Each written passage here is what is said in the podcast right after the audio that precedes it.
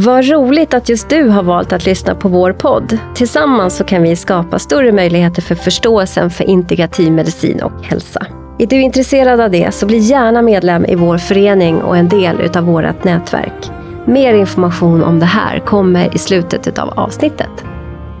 Vi spelar in på psykoterapimottagningen Integrativ hälsa på Södermalm i Stockholm. Och vid min sida, han som har gått från en sönderstressad barägare till lugnet själv inför vilken situation som helst, poddens producent Fredrik Ankarsköld.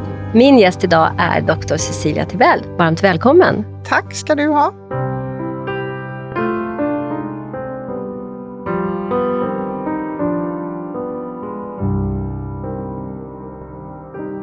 Innan jag går vidare i presentation så ska vi nämna att vi har eh, ett renoveringsobjekt i väggen mittemot som gör att det vad ska man säga, brummar lite i det här avsnittet. Vi ber om ursäkt för det. Så Cecilia, du har vid två tidigare tillfällen redan gästat vår podd och pratat om integrativ medicin och hälsa.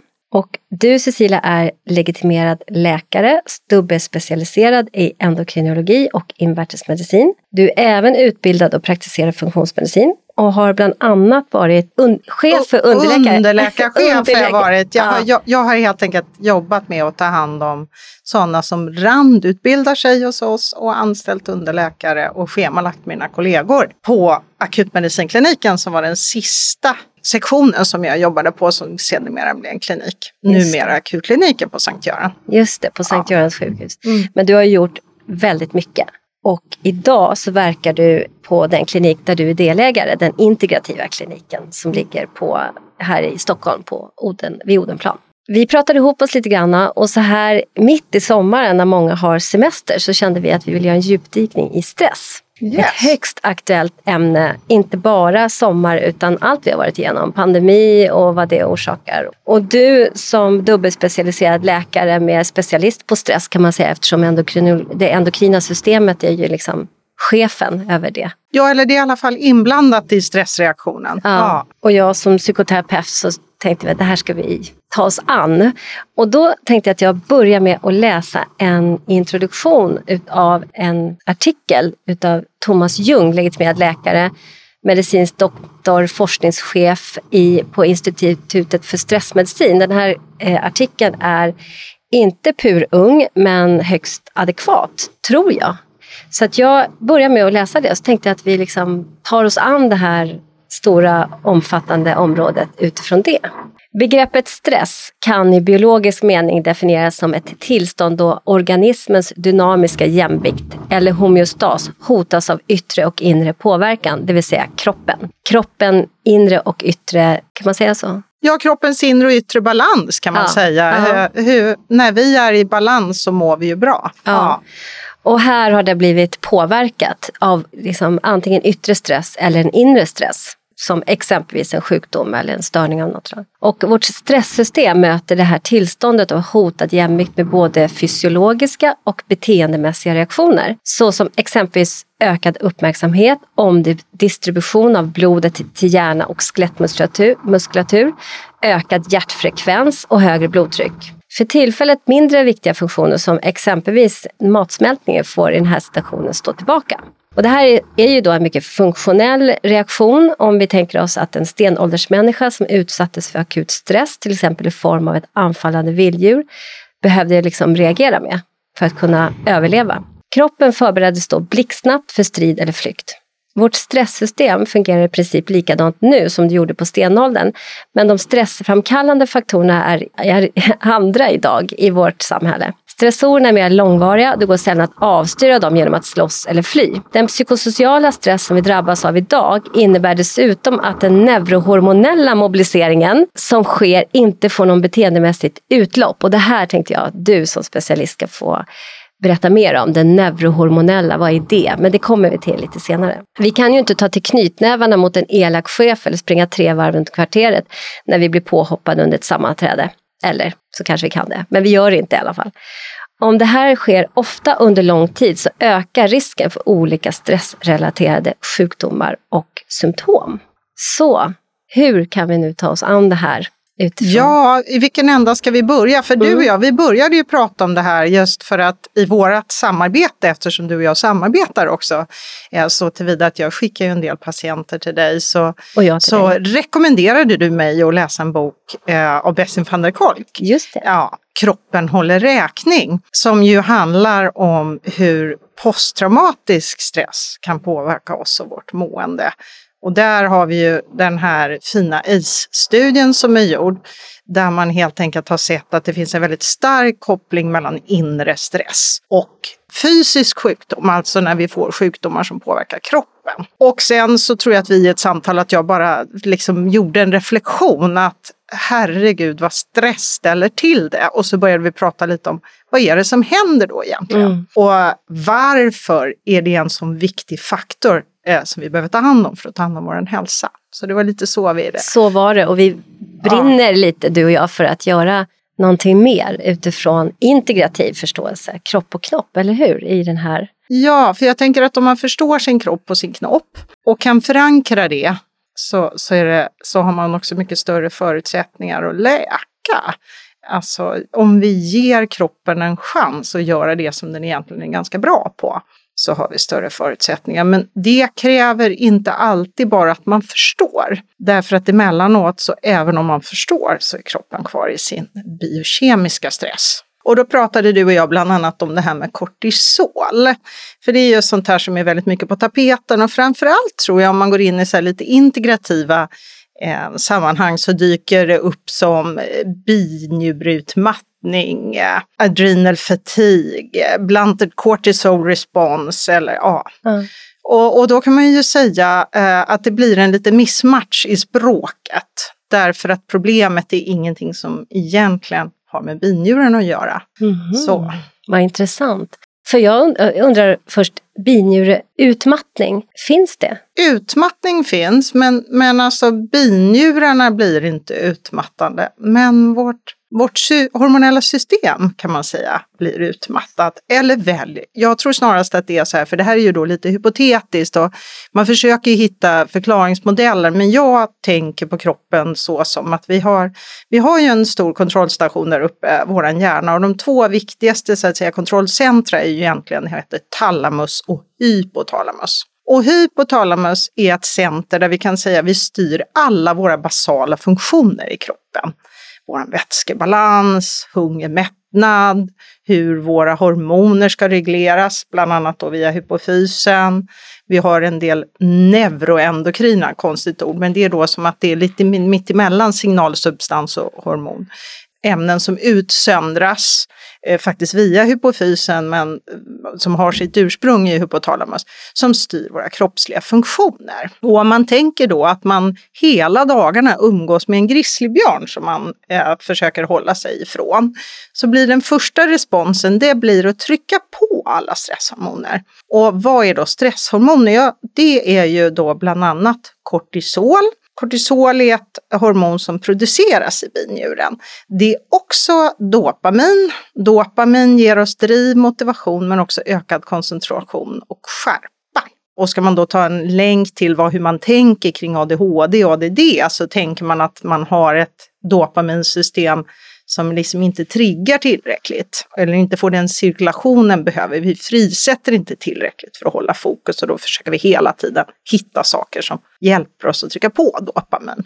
Om man tänker som det som en biologisk rational så att säga. Och sen är det noradrenalin och adrenalin. Och noradrenalin och adrenalin är också det som styr våran hjärtrytm, vår, äh, våran puls, det styr hur snabbt eller långsamt magen rör på sig. Det styr våran, vårat blodflöde i just muskler, hjärna, hjärta och så vidare. Så att när vi drar igång den här stressreaktionen, så det som normalt sett händer är att vi frisätter ganska mycket kortisol och så frisätter vi de här dopamin, noradrenalin och adrenalin.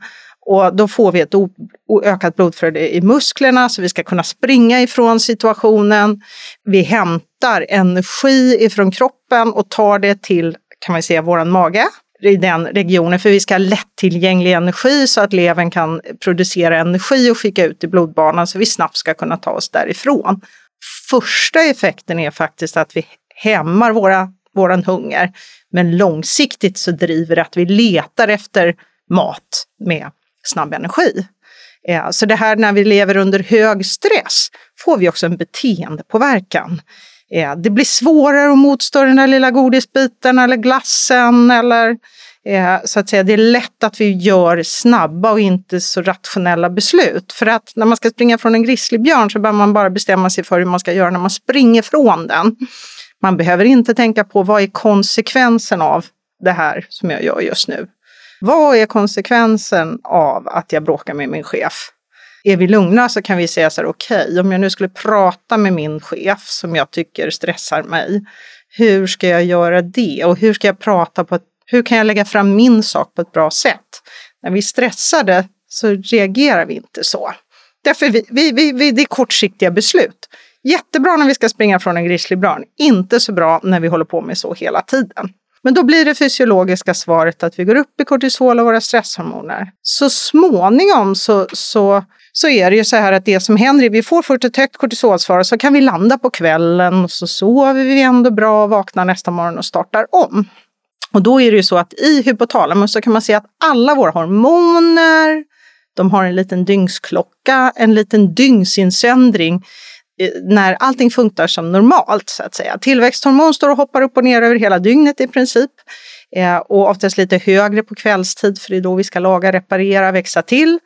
Eh, kortisol har ett, ett sånt eh, flöde så att vi på morgonen har, vi liksom startar upp systemet. Vi väcker, nu är det dags för att jaga energi, nu är det dags för att leta upp mat och liksom se till att vi kan ladda för att sköta dagen. Och sen funkar det lite som när man växlar upp en bil. Du lägger i ettans växel, du gasar upp och så växlar du upp. Och på samma gasläge så kan du ändå ha en högre växel.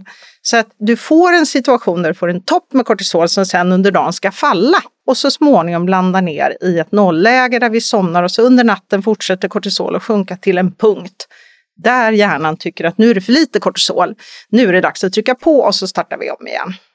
När vi går med lång stress Eh, så från början så kanske vi får då ett kortisolspurt och så går det upp och ner lite grann. Och likadant om vi hade varit stenåldersmänniska och mött en grizzlybjörn, så även om det klockan är tre på eftermiddagen så får vi liksom en boost av kortisol, men vi kan fortfarande landa. Men med långvarig stress så landar vi till slut i en situation där de här stresshormonerna går faktiskt inte riktigt ner när vi ska gå och lägga oss. Och då börjar det bli lite svårare att sova. Det kanske man märker från början med att man, har, man blir väldigt lättväckt. Minsta signal så vaknar man till. Barnföräldrar känner säkert sig igen sig i den här situationen. Man får aldrig riktigt den här återhämtningen.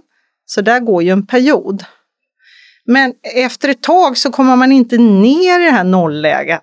Och det här är vad jag tror då händer, för det här är mera jag som hypotiserar, då ska vi vara tydliga. Och det finns många som hypotiserar kring det där. Så, så kommer man inte ner i nollläget. Och det som då händer är att man heller inte får samma signal att starta upp på morgonen. Och då börjar den här kortisolkurvan ändra sitt utseende, sin dynamik. Så att det blir lite som att man gasar och försöker växla upp, men det blir liksom ingen uppväxling. Utan man får inte riktigt toppen. Man går upp till ettan och så tvåan och sen så ligger det på tvåan hela tiden, eller vad man ska mm, säga. Mm, Effekten av det är ju att man vaknar inte längre pigg och fräsch och eh, känner att man har en ny dag. Eh, utan man får en väldigt, man får liksom en kortisolkurva som har tappat sin dynamik, man får inte toppen, man är inte då flattened cortisol curve som en del pratar om, eller blunted cortisol response, men man har inte samma och där börjar man liksom få symptom.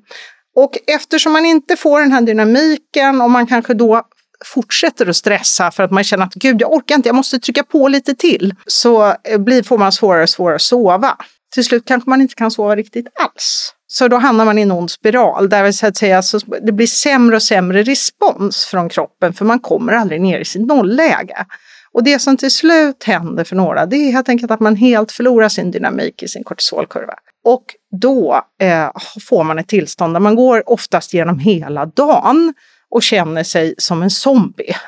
Och sen kanske framåt 4-5, för då har vi ju en normalkurva. Då börjar man komma ikapp sin egen normalkurva. Så känner man, gud men nu vaknar jag till, nu kan jag få saker gjort. Och vad gör man då? Då drar man igång allting som man inte orkat göra. Och vad händer då? Ja, då drar vi igång hela stresssystemet och så har vi då igen att vi inte kan sova. Det där är eh, vad jag tror är en av processerna bakom binjuret, det man kallar binjurutmattning då, eller flattened cortisol response. Det där kan vi ju se i salivprover och sådär. Testar man då binjurarna så är det inget fel på binjurarna. För det här handlar om att hjärnan slutar skicka de signalerna som den ska. Just det, så det är egentligen hypotalamus? Som är hypotalamus ja. som pratar med hypofysen som mm. pratar med binjuren, ja. så att säga. Och det som däremot inte händer är att de här andra stresshormonerna regleras ner. Därför att de har andra faktorer som styr stressen. Så att jag menar de patienter som jag träffar som har det så här, när vi tittar på kortisolkurvan så, så ligger den liksom, det händer inte så mycket med nivåerna, blir ingen fin dynamik. De har ju ändå fortfarande sitt andra stresspåslag. Så då vaknar man med en känsla av oro, en känsla av otillräcklighet, att man skulle vilja kunna springa runt huset för att göra sig av med det där, men man har inte energin. Därför att kortisol har inte dragit igång alla cellerna som de ska. Jag har ju faktiskt levt med ungefär som en blanted kortisol mm. eh, innan jag fick min, hypo, min hypotyreos. Som jag, som jag tror hade ju med det att göra för att jag gick med en obehandlad hypotyreos så länge. Jag vet inte mm. vad du skulle säga, men jag låg på ungefär 200 på morgonen så när den sen blev reglerad, när jag sen mm. klev upp på 500-600 på morgonen, det var ju sån enorm skillnad. Från att ha legat på vid 200, då var jag ju så här, alltså så trött, seg, svullen i kroppen och just det här med den här oron att gud, jag har liksom tre barn att ta hand om, jag har ett arbete att ta hand om, jag har liksom XYZ mm. saker som jag måste ha energi till, jag har inte energin. Den oron, mm. den är hemsk. För att man känner liksom, för sen om man, som det sen blev att när jag låg bättre i, i kortisol mm. och hade fortfarande samma saker att göra, då kände jag ju omedvetet, väldigt mycket, medvetet omedvetet, att jag har energin att kunna genomföra det här. Och då blir ju inte oron på samma sätt. Det här fixar jag. Men om jag känner att men det finns inte kraft, energi till att liksom få igång det här, då blir ju oron värre. Jag kommer inte ens lyckas lösa problemet. Liksom. Nej, och det i sig underhåller ju en stressreaktion. Ja. Och, och eh, sen kan man ju säga i ditt fall så finns det en fysiologisk förklar, förklaring mm. därför att sköldkörtelhormon i sig påverkar frisättningen alltså att säga, av kortisol i binjuren. Jag brukar säga att hela vårt hormonsystem är ju som en symfoniorkester mm. och när allting är i balans så, så låter det fint och det blir som ja, en härlig Beethovens femma eller vad det nu är. Mm. Men när ett instrument är ostämt så spelar det ingen roll hur bra alla andra eh, spelar. Det kommer att låta skit. Men i fallet med hormonorkestern eh, så är det dessutom så att när en spelar fel så hamnar alla andra också ur synk. Just det, Vad fin, vilken fin symbolik. För där tänker jag också, apropå att vi, att vi nämner nu hypotalamus, hypofysen som skickar ut, det kanske ska gå in lite på just stress. Kan vi nämna någonting om stressaxeln, HPA-axeln? För ja. du har ju pratat nu, du har ju pratat om den, men kanske om vi sätter en ram för det, ja. det man brukar kalla för stressaxeln, vad är ja, det? Ja, det, står, det är det man kallar HPA-axeln, det är så att säga stressaxeln och det står för hypotalamus som vi då har pratat om som kontrollstationen pituitary som är det engelska ordet för hypofys och adrenal som också är det engelska ordet för binjure. Och, och då är ju så att säga regleringen typ att hypotalamus pratar eh, både via vårt autonoma nervsystem men också vårt hormonella system. Eh, då bland annat via eh, hypofysen och sen pratar hypofysen i det här fallet med binjuren. Och då är det så att hypotalamus insöndrar ett, ett hormon eh, som är corticotropin releasing hormone och sen så, eh, som förkortas CRH. Och det är egentligen då eh, kortikotropin, eh, kortikotropinfrisättande hormon. Och sen så eh, eh, frisätter hypofysen kortikotropin som vi faktiskt då förkortar som ACTH. ACTH gör sedan att vi frisätter kortison. Och till viss del så, så har den lite annan påverkan, bland annat på våra receptorer för eh, solbränna, höll på att säga, melanin eh, då. Så att det eh, kan även verka lite melaninfrisättande. Varför den som faktiskt har en sjukdom där binjuren inte funkar längre kan bli väldigt brun. Därför när, när hypofysen står och försöker få binjuren att svara genom att frisätta massa ACTH eh, så blir effekten att man även får den här effekten ute i, i huden. Vad intressant. Den ja. har jag aldrig Så en per person som har en, en sjukdom, antingen då man kan ju till exempel ha haft en faktiskt en infarkt i binjuren, men, eller om man har en autoimmun sjukdom som heter Addison så blir effekten att man blir brun. Och då blir man ju brun överallt. Alltså man blir brun i sina handflator, man blir brun under fötterna, oh, man blir extra brun. På, mm. Man blir till och med brun i sina munslemhinnor och sådär därför att effekten är ju hela kroppen. Till skillnad från en vanlig solbränna då. Mm. Så det Vad är ett sånt där kliniskt tecken. Just det, just det. Mm. Just det, för Addison det är ju egentligen två olika sjukdomar som man väl har koll på. Eh, eller kanske det finns fler, men jag tänker på Addison och Cushing. Addison är väldigt lågt i kortisol och Cushing då ligger man väldigt högt. Ja, och det är ju liksom annorlunda och då finns det två varianter av Cushing. Ja, bara för att, att, att roa eh, sig då, både Cushings sjukdom och Cushingtons syndrom. Och i ena fallet så är det helt enkelt så att man har en ansamling med celler, oftast i binjuren, men faktiskt händer att man även får det i lungan, som producerar eh, massa kortisol och som så att säga är okänsligt för de reglermekanismer som vi har. Så, så trots att det här ACTH då går ner till nollpunkt så står det fortfarande och sprutar ut en massa kortisol. Eh, och, så att man får då alldeles för mycket kortison. Och då när man får alldeles för mycket kortison, då får man också en del av de biverk, alltså en del av symptomen kan man även se hos en person som har varit under väldigt hög stress väldigt länge.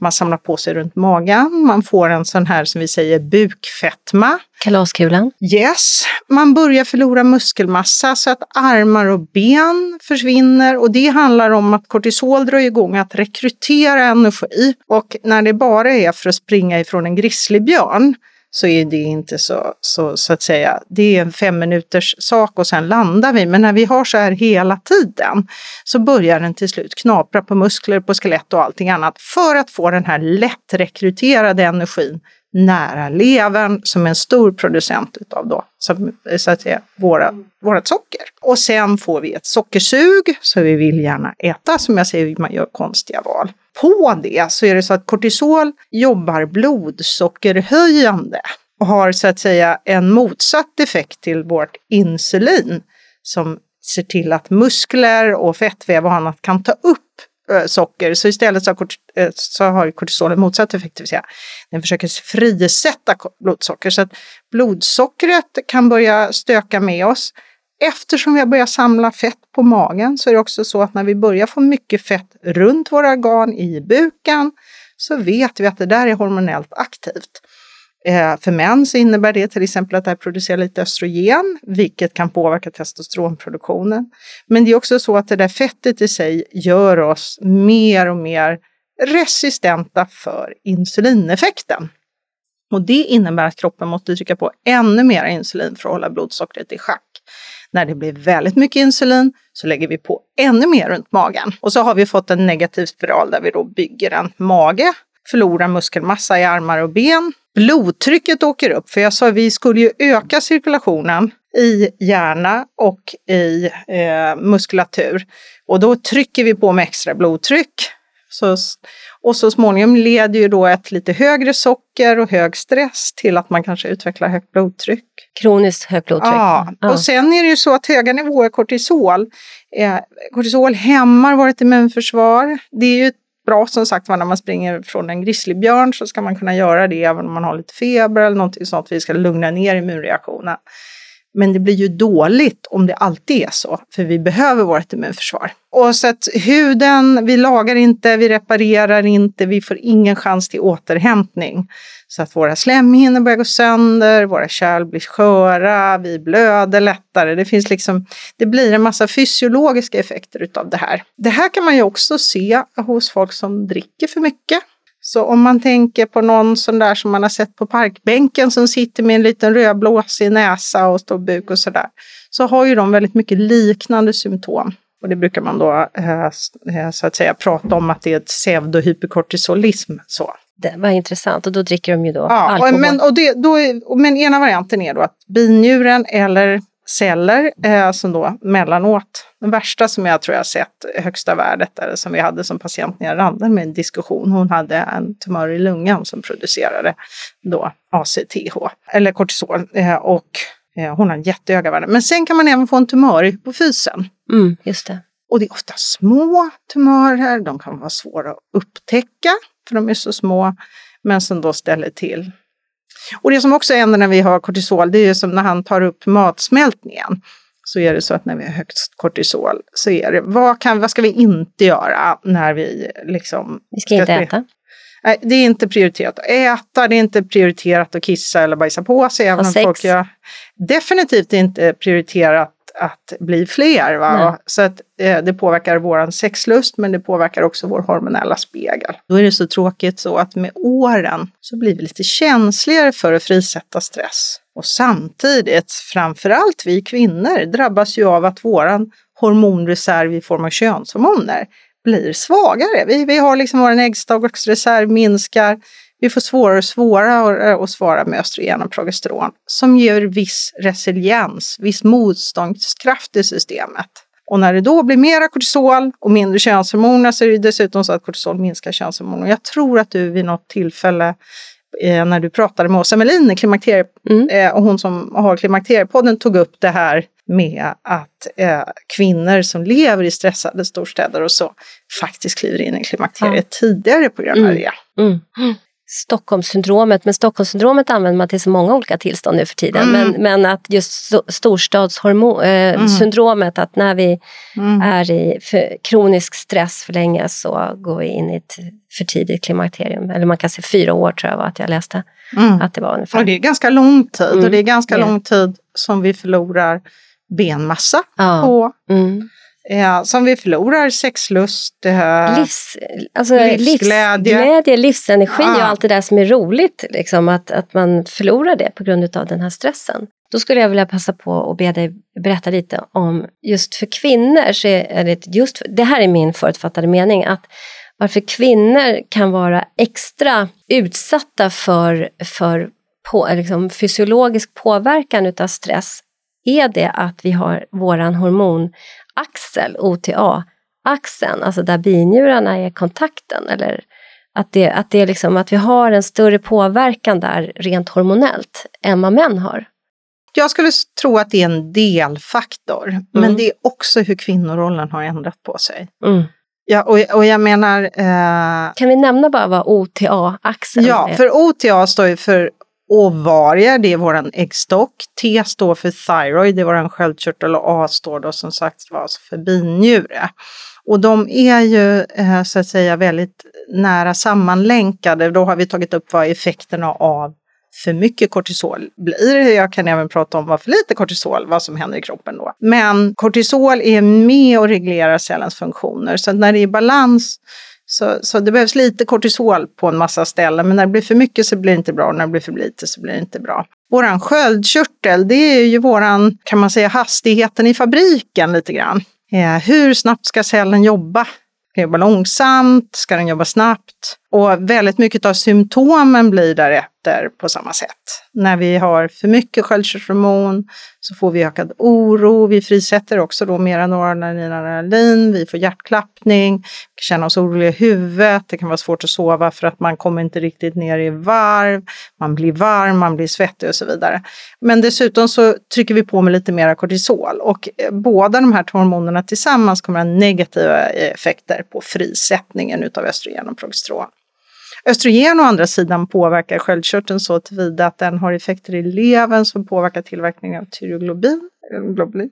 Tyroglobulin är så att säga för prehormon eh, till sköldkörtel eh, och den påverkar sköldkörteln eh, också så tillvida att den växer till lite grann. Så. Eh, och det är bra när vi är gravida för då behöver vi mera sköldkörtelhormon. Eh, så. Men det är inte alltid jättebra när vi inte är gravida.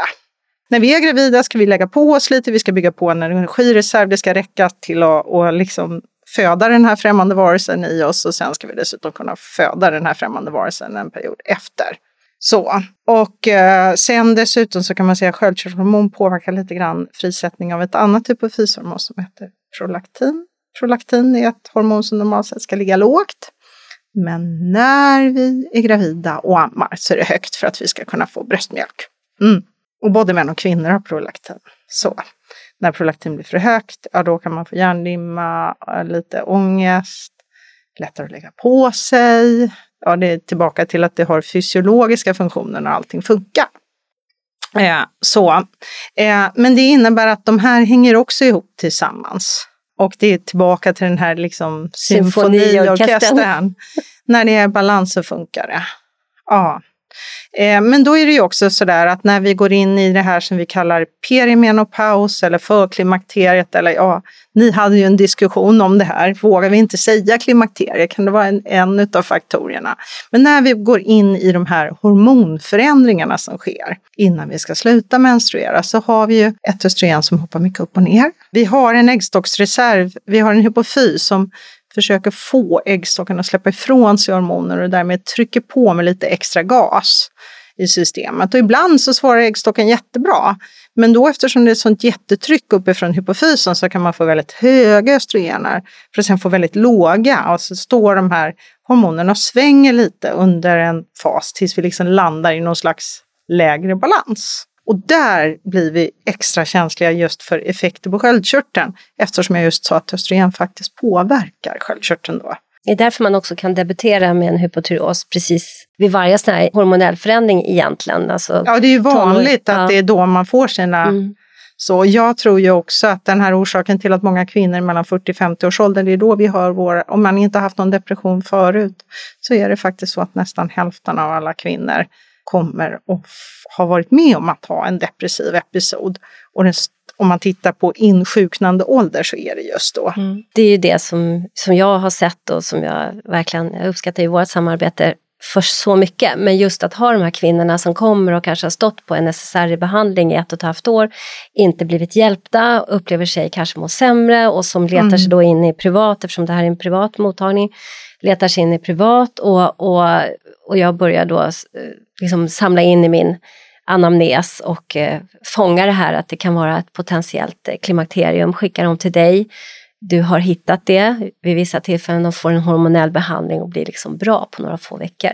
Mm. Det, det är ju liksom ovärderligt och det är väldigt synd att det inte fångas i traditionella hälso och sjukvården på samma sätt. Nej men mm. så tror jag, sen är det ju den här faktorn vad är vad då? då? Mm. För då kommer vi konstatera att stress har ju en negativ återkoppling på våra könshormoner. Så att jag tror ju att eh, det som gör det svårt är ju att det komplexa är att vi behöver jobba med alla bitarna. Och så länge vi inte kommer åt stressen så kommer vi inte nå riktigt i namn, hamn. Och då, då är jag tillbaka till det här med kvinnorollen. Just det. För våran kvinnoroll har ju förändrats så tillvida att vi har inte tagit bort någonting utan vi har lagt till. Eh, det vill säga där man om man tittar på den traditionella, och den traditionella ska man ju säga är bara 100 år gammal eller någonting, för går man ännu längre tillbaka så har det inte sett ut så heller. Eh, men där att man har haft ett hem och ett hushåll att sköta om och det har liksom varit min livsuppgift. Och sen är det i vårt moderna samhälle mannen som då stod för försörjningen och de ekonomiska förutsättningarna att ha det här hem och hushållet. Men där har det ju förändrats så tillvida att kvinnor förväntas också vara försörjning till hem och hushåll. Och på de villkor som är satta utav en arbetsmarknad som tidigare har varit helt mansdominerad. Eh, och det gör ju att vi har liksom lagt till försörjning och ekonomiskt ansvar på hem och hushåll. För vi förväntar oss fortfarande att hem och hushåll ska skötas. I rika familjer så löstes ju det väldigt enkelt att det var någon annan som gjorde det. Man anställde någon helt enkelt? Man anställde mm. någon. Det var någon som gick runt och dammade och vippade och städade och det var barnflicka som tog hand om barnen och så vidare. Men, men för alla andra så har det ju eh, så att säga sett annorlunda ut. Och ökar ju upp stressen enormt. Ja, för då har man ju tittat på stressstudier och så har man sett att kvinnor varvar inte ner när de kommer hem, de stressar upp. Så att jag, och det tror jag, det tror jag liksom är en viktig, viktig faktor. Eh, betyder det att jag inte tycker att kvinnor ska jobba? Jag jobbar ju själv då. Mm, mm, mm. så det tycker jag absolut inte. Men däremot så behöver vi liksom se på vad har vi för förväntningar på hur arbetsmarknaden ska se ut? Och det gäller ju både män och kvinnor, för det var ju också så att män förr fick hjärtinfarkt i mycket större utsträckning och hjärt-kärlsjukdom tidigt i livet än vad kvinnor. Men mm. vi kvinnor har ju jagat ikapp. Mm. Och det tror jag handlar jättemycket om stress. Mm. Så att vi behöver ju både för, för alla i samhället se över vad är det vi värderar? Jag brukar ja. tänka, eller jag, genom min, min tid inom integrativ medicin och hälsa och föreningen så tänker jag så här, ja, vi, det är jätteviktigt att vi äter bra för, mm. vårt, för våra, apropå vårt samtal innan poddavsnittet, mm. att vi behöver olika dieter, vi, vi är olika människor med olika utgångslägen. Men det mm. gäller att hitta sitt sätt mm. eh, som man behöver och säkert olika genom faser i livet också. Eh, vi behöver röra oss, vi behöver träna med, vårt olika, med våra olika utgångslägen. Vi behöver, liksom, vi behöver mycket men om vi är stressade, kroniskt stressade, så hjälper inte det där. Nej, och då är det ju också så här, för det är som det här med att träna, det är ju väldigt eh, värdeladdat ord och jag tänker med järnstark och, och ja, Anders Hansen och sådär, det är bara ut och springa fem kilometer. De flesta kvinnor som jag träffar med utmattningssyndrom, är det någonting de har gjort så är det att träna alldeles för mycket. Mm. För den viktigaste rörelsen, det är ju den vi har i vardagen. Det är att vi går, att vi bär saker, att vi är aktiva varelser i rörelse. Inte att vi springer eh, fem kilometer. Igår hade jag någon som har ägnat två dygn åt att springa 28 mil utan paus och inte förstod att det var ett problem. de börjar ju träna på långsamma att gå långsamt, andas långsamt, ja. röra sig långsamt. Det är ju mer det eh, de behöver träna på. Ja. En, en lubba efter någon, alltså så fort man kan någonstans. Ja, för jag brukar säga de här då som har landat i att vi har kommit till att kroppen reglerar ner sitt kortisol. Och där har vi nu tagit upp stress. Där finns det även teorier om infektioner som jag kan berätta alldeles strax om. Men då har du en kropp som står och skriker jag vill vila. Jag hade en patient för inte så länge sedan som just var en typ av sån som uppenbarligen var i klimakteriet. Hon var dessutom låg, väldigt lågt i sin vikt, alltså eh, så, på gräns skulle jag säga till inläggning lågt. Eh, och eh, sprang 67 dagar i veckan fast hon egentligen inte orkade. Och hade tyvärr haft oturen att träffa en kollega som av oklar anledning hade satt in sköldkörtelhormon och i höga doser. När hon egentligen aldrig haft något problem med sin sköldkörtel. Det kan väl vara farligt på riktigt? Ja, det är väl klart att det inte. Hon hade ett BMI på 15,7. Eh, eh, hon var så tunn, så tunn, så tunn. Är, och, och då när man pratar med henne så framgår det ju jättetydligt. Jag sa helt enkelt rakt på sak, är du en prestationsprinsessa? Blev hon lite mm. tagen på mm. sängen så sa han, jo det är jag, sa hon. Ja, sa jag. För du behöver umgås med din prestationsprinsessa och säga adjö till henne. Du behöver säga, okej, okay, jag måste vara någonting annat än görande. Jag måste också vara någonting i varande.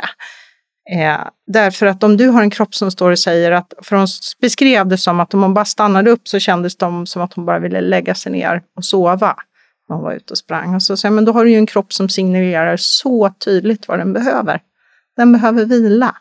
Den behöver inte springa sex gånger i veckan. Apropå unika utgångslägen. Eh, för, och det, för det är så lätt att vi går på det där mode ah. moderekommendationen att det här ska vi göra och så gör vi det. Men, och det mm. säger någonting också om vårt lidande, att vi försöker, många människor försöker ju hitta sin lösning men att vi liksom kanske inte har kunskapen och så beror det ju alltid på vem man möter då, den man söker.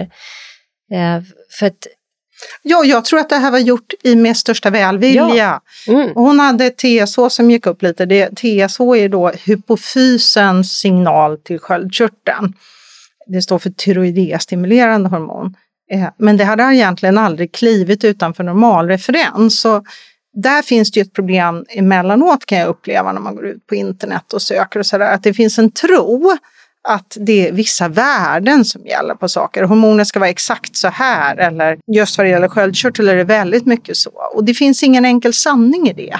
Det är ganska brett spann också, från 0,2 till 4,3 eller sånt där. Det ja, det är lite unika. olika på olika ja, analysmetoder. Ja. Och jag har patienter som mår bäst när de är närmare, närmare 4 och kanske inte har så höga T4, T3. Då är deras system i balans. Och sen har jag patienter som är precis tvärtom. Och det är ju individen som vi måste titta på. Så. Men då det... behövs det ju de här, alltså människor som du som är så eh, liksom, kunniga på det här, som, som är specialiserade, som är kunniga, som har tänkt. Du, du är dubbelspecialiserad, du har också fördjupat i funktionsmedicin, precisionsmedicin som man vill kalla det numera och, mm. och, och så vidare, som, som, där man har förstått någonting mer. För att jag tänker att riktlinjer, mm. referensvärden och så vidare, det, det vill ju många utav dina kollegor som kanske är på, nu, nu kanske jag raljerar, men, men faktiskt är på vårdcentraler som har ett brett, de vill hålla sig till det. De, de är inte trygga med att ska man säga, följa patienter, kanske inte heller har tiden för att kunna göra det. Ja, jag tror faktiskt det är den viktigaste faktorn. Tiden. tiden. Ja. ja. Men för, för det jag skulle väldigt, säga, det gäller ja. ju även kroppsvikt då. då. Ja. Ja, för vi har ju fått någon slags idé om att folk ska ha ett BMI mellan 20 och 22. Då är allting optimalt. Helst 20, gärna 19. Och, så, och, och gör ingenting om man är överdeffad. Det är ju jättemånga som blir helt ohälsosamma i den vikten, som hormonellt är helt utan eh, fas. Alltså istället för vad mår den här kroppen bäst av att vara? Vi har en normalklockefördelning för att folk kommer sprida sig så normal, alltså även i stenålderssamhället så hade det sett ut så. Mm. Ja. Ja, ja, verkligen. Och det, det där det är så viktigt det du säger nu, för att då vill vi hålla oss på mitten där det liksom, grafen går upp. Och ja, helst just vad det gäller kroppsideal ja. så, är det, så förskjuts ju det åt helt fel håll. Ja. Ja, eh, verkligen. Och, och, jag träffar så mycket ätstörda mm. människor i dagsläget, mm. patienter, som jag inte upplevde att det var för 20 år sedan. Så. Men det är så mycket vi gör med våra kroppar nu. Vi är ätstörda och vi sprutar in botox och allt möjligt. Och jag tycker att i vissa fall så är det jättebra interventioner och vi har möjligheter att skapa, mm. liksom, justera utseenden som, har, som behöver justeras och så vidare. Men det har gått lite för långt i många sammanhang också, att man, gör, man ska stuva om sin kropp på så mycket olika sätt som jag tror eh, Nej, jag tänker, säkert... Det finns till exempel det finns en forskare som heter Erik Hemmingsson som mm. har forskat mycket på då obesitas, det man kallar fetma. Då. Mm. Och sen har han skrivit en bok just nu med Stina Wolter. Mm. Eh, eh, där man just pratar om det här, för Stina Wolter har ju slagits väldigt mycket för, en, för en, liksom, den fria kroppen. Mm. Ja, med så. då också en historia av att ha förlorat en syster i anorexi. Ja, som, som ja. säger, och, och att alla kanske inte ska ha det där ultima, man mår inte bäst i det. Han har även en podd som heter Viktigt. Mm. Eh, kan och vi skrivit, slå ett slag för. Ja, och sen har han skrivit en bok som heter Slutbantat helt själv som, jag, som ju liksom baserar sig på forskning. Mm. Eh, och då kan man ju säga att där har ju vi i sjukvården en uppgift att förstå det här, för det vi gör är att vi traumatiserar våra patienter som skapar stress som skapar ännu mer sjukdomar. Exakt. Tillbaka till stressen. Mm, mm. Eh, för det han har hittat i sin forskning då, för det är bara för att knyta tillbaka till stress, ja. det är ju faktiskt så att väldigt många, som, de här som är väldigt stora, som blir väldigt tjocka, så går det att spåra trauman ja. tillbaka. Ja. Och det har man också sett jättetydligt i den här AC-studien som du nämnde i början. Ja, precis. Eh, och att, att, vi, att det här är ett komplext system och alla, alla saker samverkar. Och, då har ju du säkert, du har ju jobbat inte bara som psykoterapeut utan också inom sjukvården. Om man har mm. jobbat natt och man har jobbat kvällar. Mm. Och då kan, som man reflektera, ja, kan mm. man reflektera över att man har vissa människor som sitter nästan med en smågodispåse mm. hela natten. Och så ser de lik förbannat ut som ett streck. Eh, och sen har du motsatsen eh, som går hela dagen och hela natten och väntar och som för varje år de jobbar natt så blir de bara större och större och större. Mm. Som ett exempel på hur olika vi svarar på saker och ting. Och där är den här äh, orkestern, symfoniorkestern, ah. som spelar på olika sätt och som orsakar mm. olika, alltså försöker egentligen, egentligen är det ju ett system som försöker hitta tillbaka till balans på olika sätt. Kroppen är ju helt, alltså bara det här, nu när jag suttit och lyssnat på, jag älskar att lyssna på dig eh, Cecilia för du är så jäkla kunnig och det, du förklarar det så bra. Men just det här att det är ju inte plåstret på knät eller på såret som är det som läker. Det är ju kroppen som läker om det får de rätta, rätta omständigheterna. Om vi minimerar våra stressfaktorer, om vi jobbar med våra inre trauman, om vi ser till att kroppen får det, just de byggstenar just den personen behöver,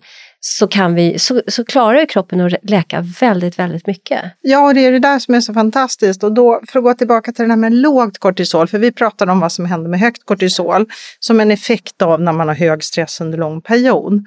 Eh, man brukar ju dela ut det här när man utvecklar en sån här så, i fyra stadier. Man pratar om wired, not tired när man först får det här kortisol, grizzlybjörnen på slaget, då är man ju lite snabbare i huvudet, lite mer skärpt, man springer lite snabbare. Systemet funkar och man märker oftast inte av att man är så stressad som man är. Man bara tycker kanske att alla andra springer lite långsammare och att de inte fattar lika snabbt och så. Det är liksom så att säga beteendeförändringar som händer för att man är ju på väg. Pang, pang, så. Nästa är uh, wired and tired. Här har du liksom, du, har, du känner ändå att du är lite, eh, men du börjar bli trött. Sen är det tired eh, but wired. Det vill säga, du känner, jag behöver vila, men du kan inte komma ner i varv. Du kan inte landa. Och du känner att du inte kan landa. Att det börjar bli, alltså jag sover dåligt. Jag måste sova, jag behöver vila. Och sen har du liksom stadiet only tired. Och när du då har hamnat i det här att kroppen, för jag, jag tror ju det här är en självreglering, Eh, att vi reglerar ner kortisol så blir det ju andra effekter på det. Och det som är förutom tröttheten och utmattningen och att man kanske inte orkar, det är också så att kortisol är med och balanserar och reglerar vårt immunsystem och håller lite det i schack. Det är därför vi använder kortison kan vi säga inom sjukvården för när folk har mycket inflammation, för att trycka ner inflammationen. Eh, det så att säga terapeutiska effekten är att vi kan få ner inflammationen. Men det som då händer när kroppen börjar reglera ner sitt kortisol, det är också att inflammationssystemet blir lite oreglerat. Vad blir effekten då? Ja, då börjar vi få inflammation i våra leder, vi, vi får ömma verkande muskler. Vi har ett immunsystem som blir lite överaktivt. Vilket naturligtvis gör att vi ännu mer blir mentalt stressade för vi känner att vi har ont i kroppen, vi orkar inte, lederna gör ont, jag vill så gärna promenera men det går inte och så vidare. Och, och, då är ju en viktig faktor i det där, ett är att vi måste bygga förutsättningarna för återhämtningen. Och jag brukar säga att det viktigaste att göra då, ja då är det ju att återställa sömnen. För det, när man då har det här låga kortisolet och samtidigt de andra stressfaktorerna står och trycker på underifrån och försöker liksom få fart på systemet, så kommer vi inte landa ner i nollläget. Jag ser min, min man sa det så eh, smart faktiskt. Han är ju civilingenjör och inte doktor alls. Då. Det var han som fick mig att dra den analogin. Han bara, så, men jag tänker att det här är ungefär som ett sånt där equalizer förstärkarsystem när man håller på med en ljudmatta. Det vill säga att om man drar i en spak och inte vet vad det är man reglerar så hamnar hela ljudbilden ur synk. Och, inte för, och då börjar man dra på alla spakar och så hamnar allting ur synk. Och lite grann så tror jag kroppen försöker det. De försöker hitta tillbaka till nollläget. Just det. Mm. Så att kroppens intelligens, för att det är väl hell, det, det, är det så att det är skadligt för kroppen att ha, om adrenalin och kortisol pumpar och man ligger skyhögt så är väl det skadligt på Fast sikt. det är ännu farligare att ha lågt kortisol och höga stresshormoner. Man har faktiskt gjort studier på det där, man har tittat på salivkurvor. Det här är ju studier som då inte gjorts i svensk sjukvård så vi kanske inte nödvändigtvis anammar dem. Eh, men då har man tittat på eh, helt enkelt eh, kortisol i saliv eh, som numera börjar bli en metod som även är accepterad i svensk sjukvård men som under många år inte har varit riktigt det. Och så har man sett att folk som har en sån här utplattad kortisolkurva Blantat utan dynamik, kortisol. de har kraftigt ökad risk för hjärt-kärlsjukdom faktiskt. Mm -hmm. Så att, eh, och det handlar ju om att vårt inflammationssystem får härja fritt. För det blir även i kärlen och, ja, och så vidare. Ja. Ja. Men, men jag tänker, um, varför tittar man så... Alltså, I den traditionella hälso och sjukvården så är man ju inte så intresserad utav att titta på låga kortisolvärden. Varför är man inte det då? Nej, men alltså de kan... metoder vi har att undersöka då, det är ju bland annat att pröva med eh, ACTH som då som medicin heter Synakten. Och när man testar, ja men då ser det ut som binjuren funkar som den ska. Du hamnar aldrig labbmässigt, eh, eller åtminstone inte i 90 procent av fallen skulle jag säga, utanför normalvärden. Mm. Det vill säga, eh, du hamnar så att det fortfarande, du hade 200. Om du tittar på den eh, blodvärdet så är det fortfarande ett normalvärde. Sen tycker vi endokrinologer att man nog ska ha över 300-350 när man vaknar på morgonen om det är taget tillräckligt tidigt efter att man har vaknat. För det har gått tillräckligt många timmar så ska det ju inte vara så. Men där kan man ju säga att referensvärdet på kortisol är väl 150 ja. till 600 ja. helst. Därmed. Och det är ju också ett väldigt brett spann. Och jag skulle säga, har man 550-600 då går man runt och är stressad. Mm. Mm. Det är min erfarenhet. Mm. Ja. Var ska sen, man ligga då ungefär? Vad är önska? Alltså sen, med det sagt att det är högst unikt, men... Ja, alltså jag skulle säga mellan tre, alltså runt 400 kanske. Mm. Så. Mm. Men, men som sagt det är verkligen inte... Ja, för jag nej, är tillbaka är till att det finns en normalitet i det där. Och det, beror på, det är fortfarande så, när fångade vi det?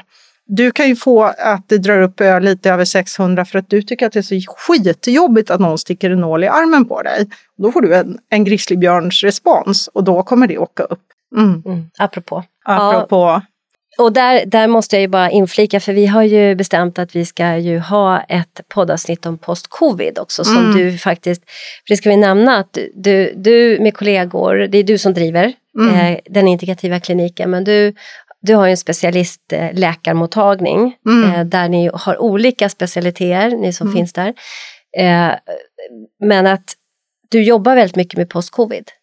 Ja, också. det har blivit så. Lite intressant. Det, eh, jag tror ju eh, det kanske är då dels för att den största mängden patienter som kommer till mig ändå är kvinnor. Många av dem har sköldkörtelproblematik eh, och så och många är kanske någon slags övergångsålder. Eh, och, så. och sen började det liksom med att jag fick postcovid-patienter.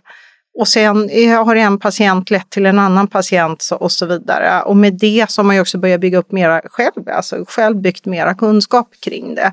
Så att jag har ju en hel del svårt utmattade patienter, patienter som om vi hade jobbat lite med diagnosen hade fått diagnos ME, kroniskt trötthetssyndrom.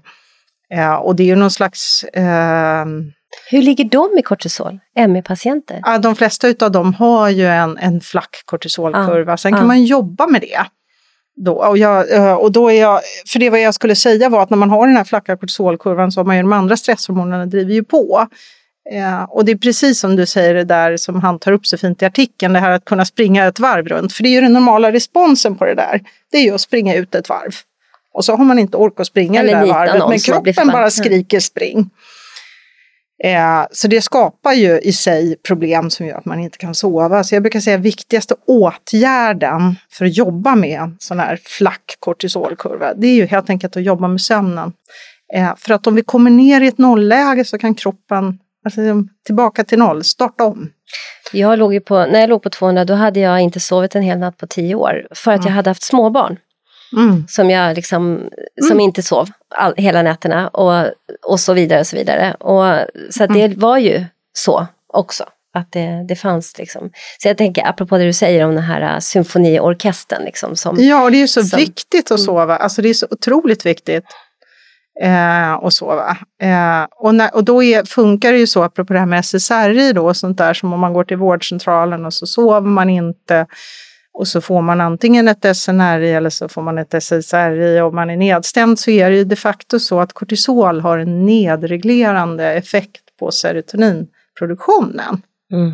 Apropå att allt sitter ihop. Ja, så när kortisol blir lite högt så kommer tryptofan som vi gör serotonin av, det kommer bli mera kynurensyra och nu kommer jag inte, eh, kan jag inte uttala det för nu sitter det försvann det. Men det är ämnen som så att säga verkar för att det blir mera inflammation i kroppen att stimuleras medan serotonin kommer att nedstimuleras. Eh, och från serotonin gör vi melatonin.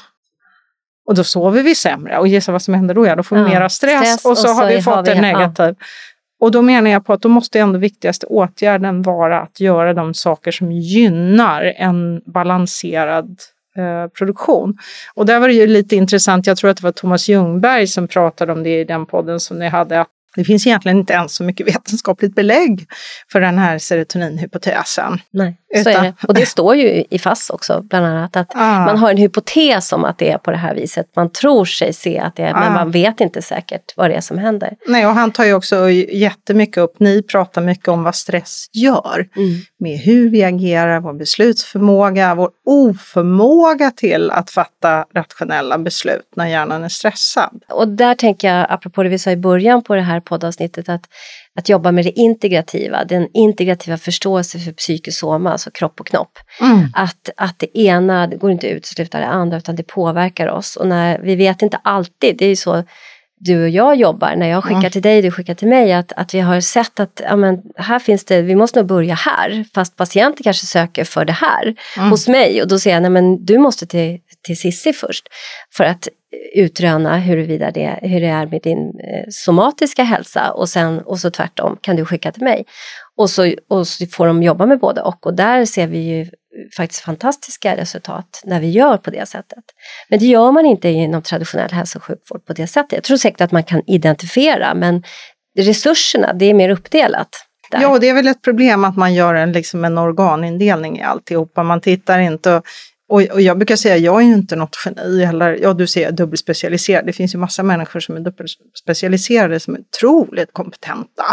Men tiden, resurserna och möjligheten att få backa perspektivet. Och sen den där tiden också som jag tänker att vi som jobbar inom privat regi, vi, tar, vi kanske lägger lite mer tid på att hålla oss ajour med aktuell forskning och det som kommer nytt och så vidare att det finns, jag tänker bara på våra samtal om när du har varit utomlands på mm. de här integrativa eh, mental health i USA mm. till exempel. Och vi har pratat mm. B-vitaminer, du berättar om fantastiska, alltså där du upplevelser där, där människor har blivit mycket, mycket bättre på B-vitamininterventioner efter den kunskapen som du fick och så vidare. Att mm. B-vitamin är ju någonting också vi gör av med i väldigt hög utsträckning när vi stressar. Ja, vi och vi lever i ett stressat ja. samhälle. Så ja, vi, vi bränner mer och sen finns det ju även forskning då som, för det är ju viktigt att förstå, för jag tänker mycket nu nyligen, vad heter han, Martin Bergås heter han va? Mm. Som släppte det här om C-vitamin nyligen då, en studie. Eh, så blev det stort uppslag i Aftonbladet om att nu får man liksom eh, metastaserad cancer av C-vitaminer utan att någon har brytt sig om att göra en, en enkel sökning på PubMed.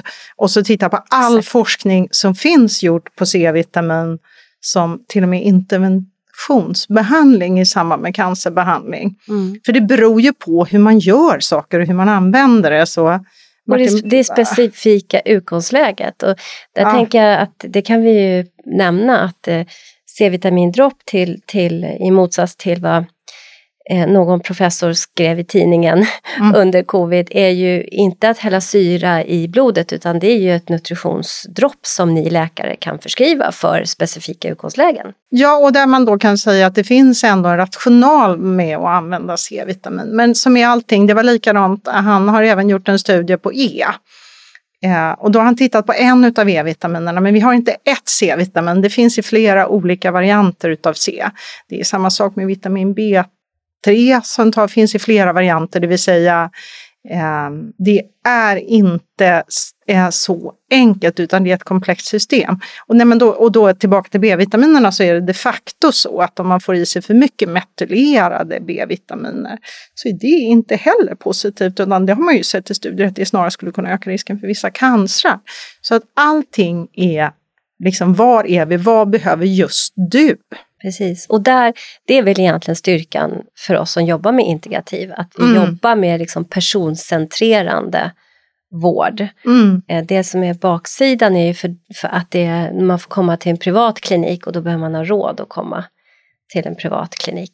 Ja, och jag menar ju på att rent politiskt, vi har inte råd att driva den typen av sjukvård vi har nu som är korta tider, inga undersökningar eh, och att titta, inte, vi behöver ta hand om ohälsan innan det blir en sjukdom och inte tvärtom. Exakt.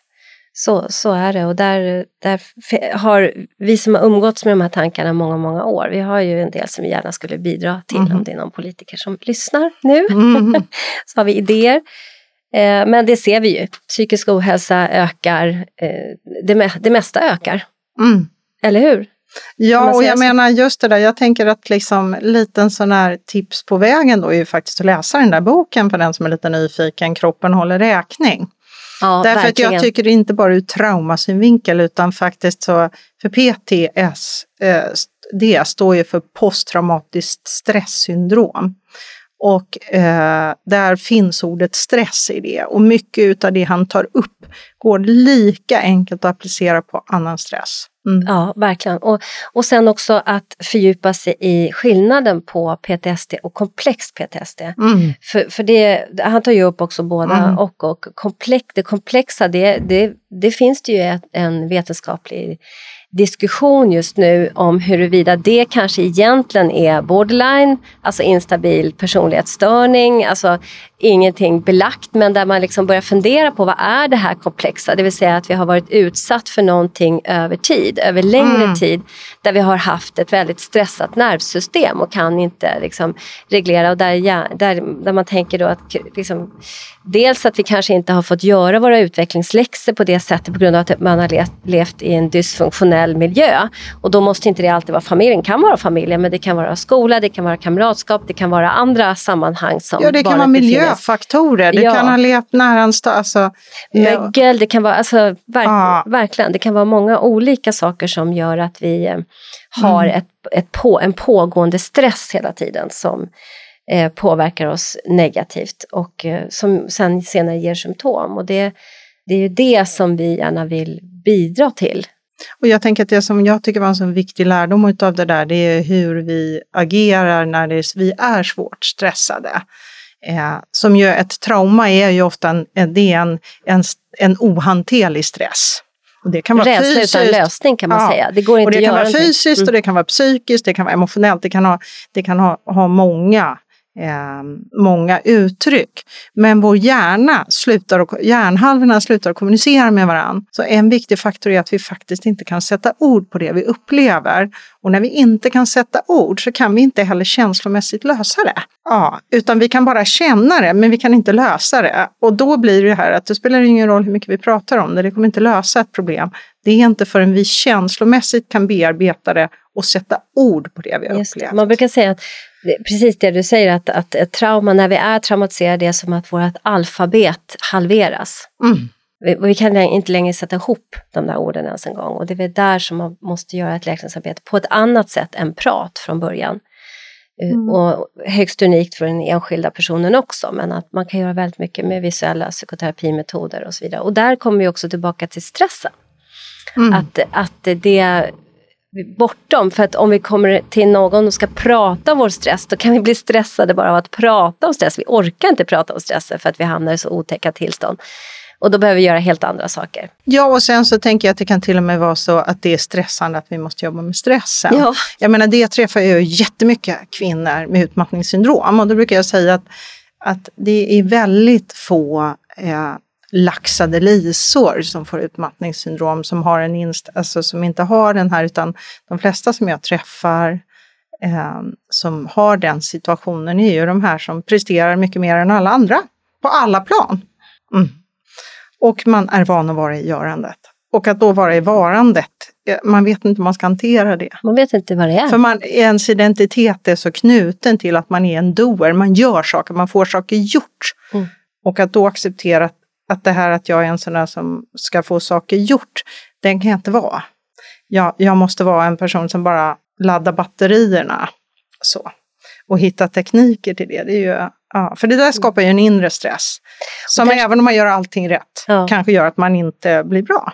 Nej, mm. och även om vår tid börjar rinna mot sitt slut mm. så skulle jag ändå vilja ta upp en sak där som är på modet, skulle jag väl säga, som jag sett ganska mycket, är ju vagusnerven. Mm. Alltså apropå eh, lösningar för stress, eh, alltså vad kan man göra och hur, jag till exempel jobbar mycket med att försöka förklara det här med parasympaticus och sympaticus och att det behöver vara en balans däremellan. Så sympaticus som aktivitetsdelen av vårt nervsystem och parasympaticus som lugn och ro. Och, och där är ju alltså lugn och ro-systemet eh, rest and digest, apropå att man inte smälter maten när man springer från den där grizzlybjörnen. Ja, och inte har någon siesta efter lunch. Vi Nej. kanske skulle ha siesta efter lunch. Vi kanske skulle ha det. Men, men jag tänkte bara passa på att fråga dig om vagusnerven. Hur, hur den tionde ja. kranialnerven? Som... Ja, det är ju precis, det är en av våra kranialnerver mm. det är våra hjärnstarmsnerver, det vill säga det är de som, som styr sådana basala funktioner som vi inte gör medvetet. Eh, men då är det ju så att vagusnerven är ju, den, den tar ju sig ett förlopp, den skickar en liten känslogren ut på axeln men annars så, tar, så följer den egentligen vårt matsmältningssystem, vårt hjärta, den styr våra organ och lite grann hastigheten i dem, hur de ska agera och så. Så att det är vagusnerven, hur den är påverkad som till exempel ger oss hjärtklappning. det är vagusnerven som ger de där fjärilarna i magen och det är vagusnerven eh, som så att säga ser till hur snabbt tarmen rör sig. Men det är också så att det är tarmen som pratar med vagusnerven tillbaka till hjärnan och det är hjärtat som pratar med hjärnan. Och där är det ju så att när man tittar på det forskningsmässigt så är det, kroppen kommunicerar ju mer med hjärnan än tvärtom. Det är lätt att tro mm. att det är hjärnan som styr. Ja, det är helt enkelt den andra, den återkopplingen helt enkelt. Ja, och det blir ju jättekonstigt för vår lilla rationella hjärna att förstå att nu står hjärtat och säger ifrån. Hjärtat klappar för den upplever någonting som vi kanske inte alltid kan förklara. Och då kan man ju se, då har man ju tittat på sånt här som vagusstimulering, andningsövningar som jag vet att du jobbar mycket med, yin-yoga, restorativ yoga. Det finns många sätt att jobba med att lugna det här nervsystemet. Men jag brukar säga, vi glömmer ju bort att hjärnan är ända ut, är ute i tårna. Ja, Eller precis. åtminstone vårt nervsystem är ända ute i tårna. Kanske inte vad vi definitionsmässigt, för vi brukar använda bra att prata om centrala nervsystemet när vi pratar. Men för mig så sitter ju hela kroppen ihop. Och det innebär att det finns lite hjärna nere i tån också. Mm. Mm. Så är det. Och det apropå det här att kropp och knopp, psykisk soma, eh, sitter ihop och pratar med varandra och så. Men om vi skulle på något sätt sy ihop det här avsnittet med några råd. Vad kan man, vad kan man ge den här människan som nu sitter på sin semester eller kommer hem på helgen efter jobbet, är superstressad. Vad ska, du har ju sagt flera gånger sömnen. Mm. Då behöver, man behöver reglera sin sömn och det finns ju många olika saker. Man kan se, göra sin egen sömnhygien, stänga av skärmar i tid. Mm. Um, Mörkt och svalt sovrum. Ja, vad mer kan man göra utan att man går till sin doktor och får uh, läkemedel? Vilket också är ju någonting som är högst adekvat, man behöver det. Mm. Ja, alltså i dagsläget så är det ju så att till exempel när vi då stressar mycket så går ju ofta åt magnesium och B-vitaminer. Men magnesium är ju då, jag brukar säga, om man tittar på fitnessvärlden och bodybuilders så är de oftast ganska smarta fast de gör för mycket av allting. Det vill säga de tar ju zink, magnesium och arginin varje kväll för att deras muskler ska återhämta sig och för att de ska, kroppen ska få lugn för bästa möjliga tillbyggnad. Och det är faktiskt så att de här sakerna har effekter på vår sömn. Arginin? Ja, men framförallt zink och magnesium.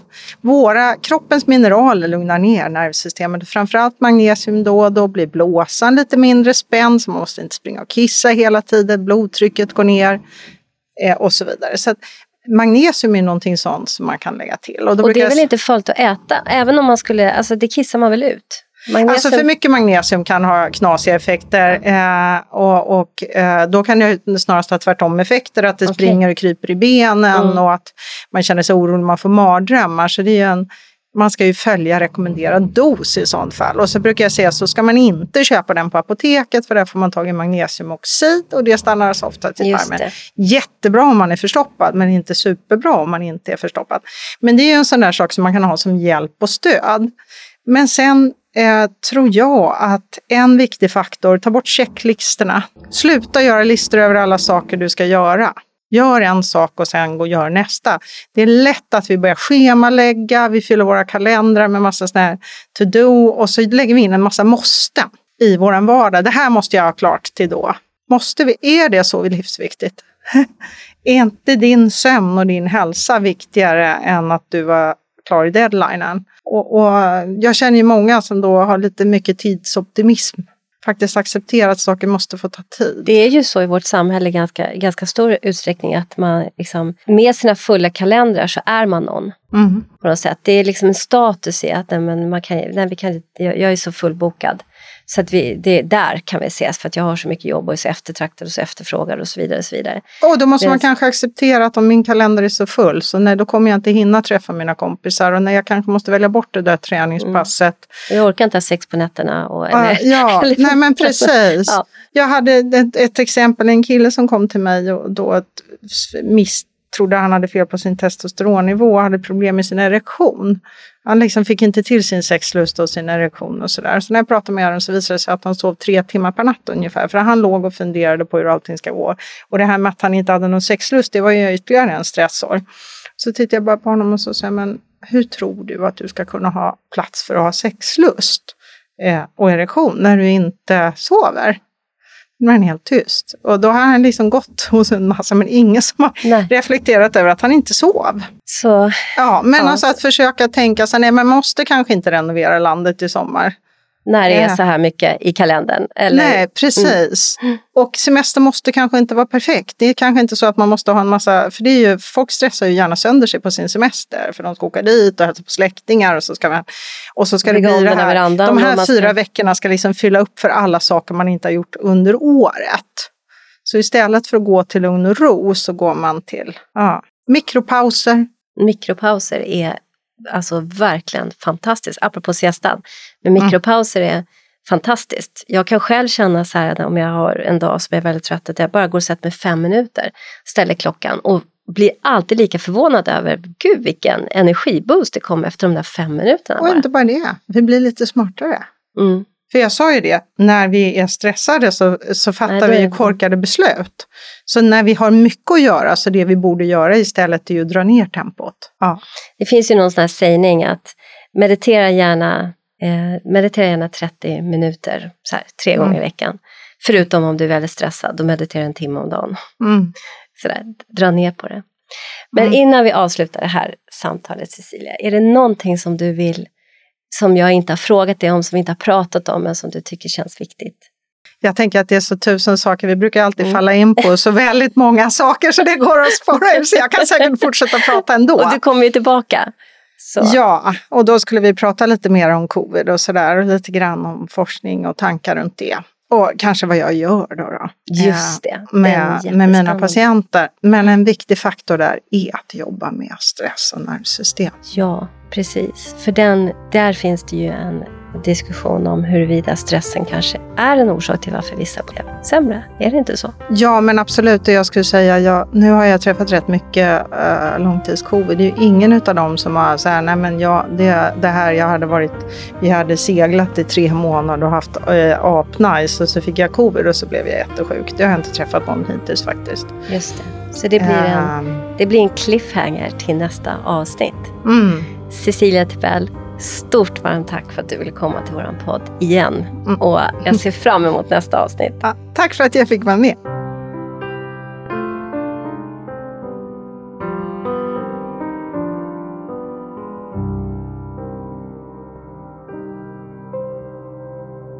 Både och istället för antingen eller en podd om integrativ medicin och hälsa är skapad och drivs av Svensk förening för integrativ medicin och hälsa, FIM. FIM är ursprungligen en yrkesförening för legitimerad vårdpersonal. Vi representerar sjuksköterskor, dietister, fysioterapeuter, läkare, psykoterapeuter, psykologer, tandläkare för att nämna några. Idag omfattas våra medlemmar även av associerade medlemmar som inte behöver vara legitimerade. Föreningens arbete vilar mot den vetenskapliga grund för integrativ medicin och hälsa som finns, såväl svensk som internationell och på systemisk förståelse av människan i sin miljö. Vår förenings arbetssätt har hittills varit att arrangera konferenser, seminarier och folkbilda genom att sprida information, exempelvis via sociala medier. Vår strävan inom integrativ medicin är att vara en organisation som vågar lyfta och ifrågasätta, motverka polariseringar genom tvärvetenskapliga dialoger och sokratiska samtalsregler. Vi vill kartlägga forskning som bedrivs, även internationellt, och hålla koll på aktuella forskningsresultat om behandlingsmetoder, både vad det gäller den etablerade vården liksom den vård som bedrivs utanför den etablerade vården. Sokratiska samtalsregler innefattas i den sokratiska samtalsformen som egentligen all grundläggande kunskap är sprungen ur, men som ibland till och med lyser med sin frånvaro i dagens public service. Så bli gärna medlem hos oss, för tillsammans kan vi förändra. Och hur du blir medlem hittar du via vår hemsida integrativ-medicin.se. Vi ses och hörs i nästa avsnitt.